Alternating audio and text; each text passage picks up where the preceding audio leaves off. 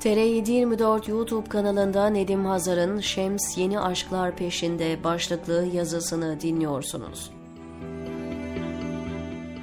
Tarih boyunca hep öyle olmuştur. Totaliter rejimlere sırtını yaslayıp bal tutan parmaklarını yalamaktan semiren, siz isterseniz bunlara oligarklar deyiniz, kitleler geminin su almaya başladığını hissettikleri anda kendilerine hemen güvenli liman ararlar. Ararlar çünkü sırtlarını yasladıkları otoritenin nasıl kural tanımaz ve acımasız olduğunu çok iyi bilirler. Söz gelimi Hitler'in son demlerini inceleyin.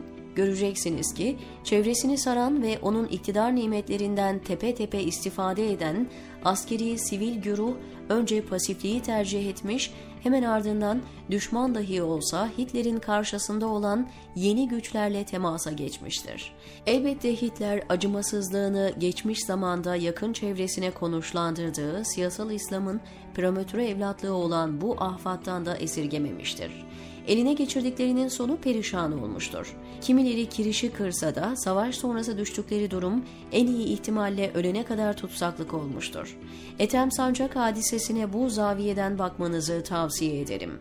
Vaktiyle Erdoğan sayesinde çöktüğü ve talan ettiği varlığının hemen hepsine el konulacağını anladığı an gemiyi terk etmek için hamleler aramaya başlayan Sancak için kaleminin kırıldığı an AKP'yi iktidara ABD getirdi açıklaması oldu. Gerçi kendisi bunu reddedip ses kaydı açıklayacağını söyledi ama hala bir şey açıklamış değil.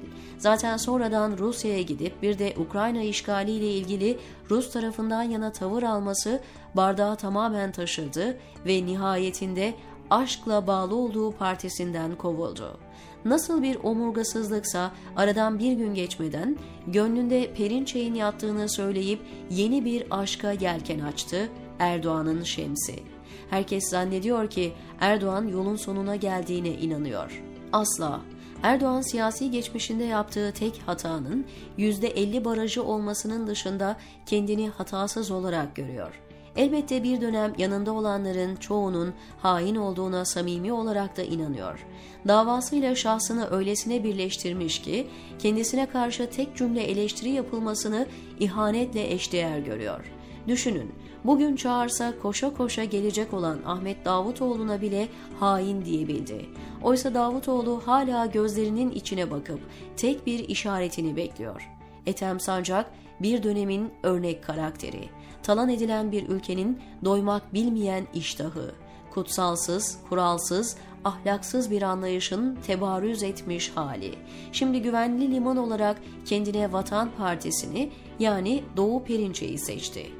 Opsiyonları düşünüldüğünde bence en akılcı tercihi yaptı Sancak. Zira gidebileceği çok fazla liman yoktu. Ya o da Babacan Davutoğlu'nun yanına giderek hiçbir iktidar garantisi olmadan hain olmayı göze alacaktı ya da ülkeyi terk edecekti.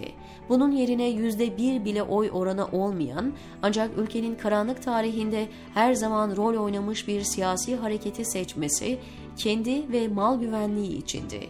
Bilmiyorum elinde ne kadar mal varlığı kaldı ama Erdoğan bundan sonra Ethem Sancak'a karşı hamle yapacaksa doğrudan Perinçek ve güruhunu karşısına almayı göze almak zorunda. O Perinçek'i başta MİT tırları olmak üzere pek çok konuda Erdoğan'a posta koyan, atarlanan, sıkıysa beni mahkemeye ver diyen, gider yapan bir figür. Elimde onlarla ilgili 30 küsur kaset var diyerek kozunu da açıktan oynayacak kadar gözü kara üstelik. Enteresandır, gücü gariban esnafa, öğretmene, memura yeten AKP ve ortakları Perinçek tayfasına karşı nedense süt dökmüş kedi gibi kulaklarının üzerine yatmayı tercih ediyor. Sancağın Vatan Partisi'ne katılırken yaptığı konuşmayı dikkatle inceleyin. Her cümlenin altında Erdoğan'a mesaj yattığını çok net olarak göreceksiniz, diyor Nedim Hazar TR724'deki köşesinde.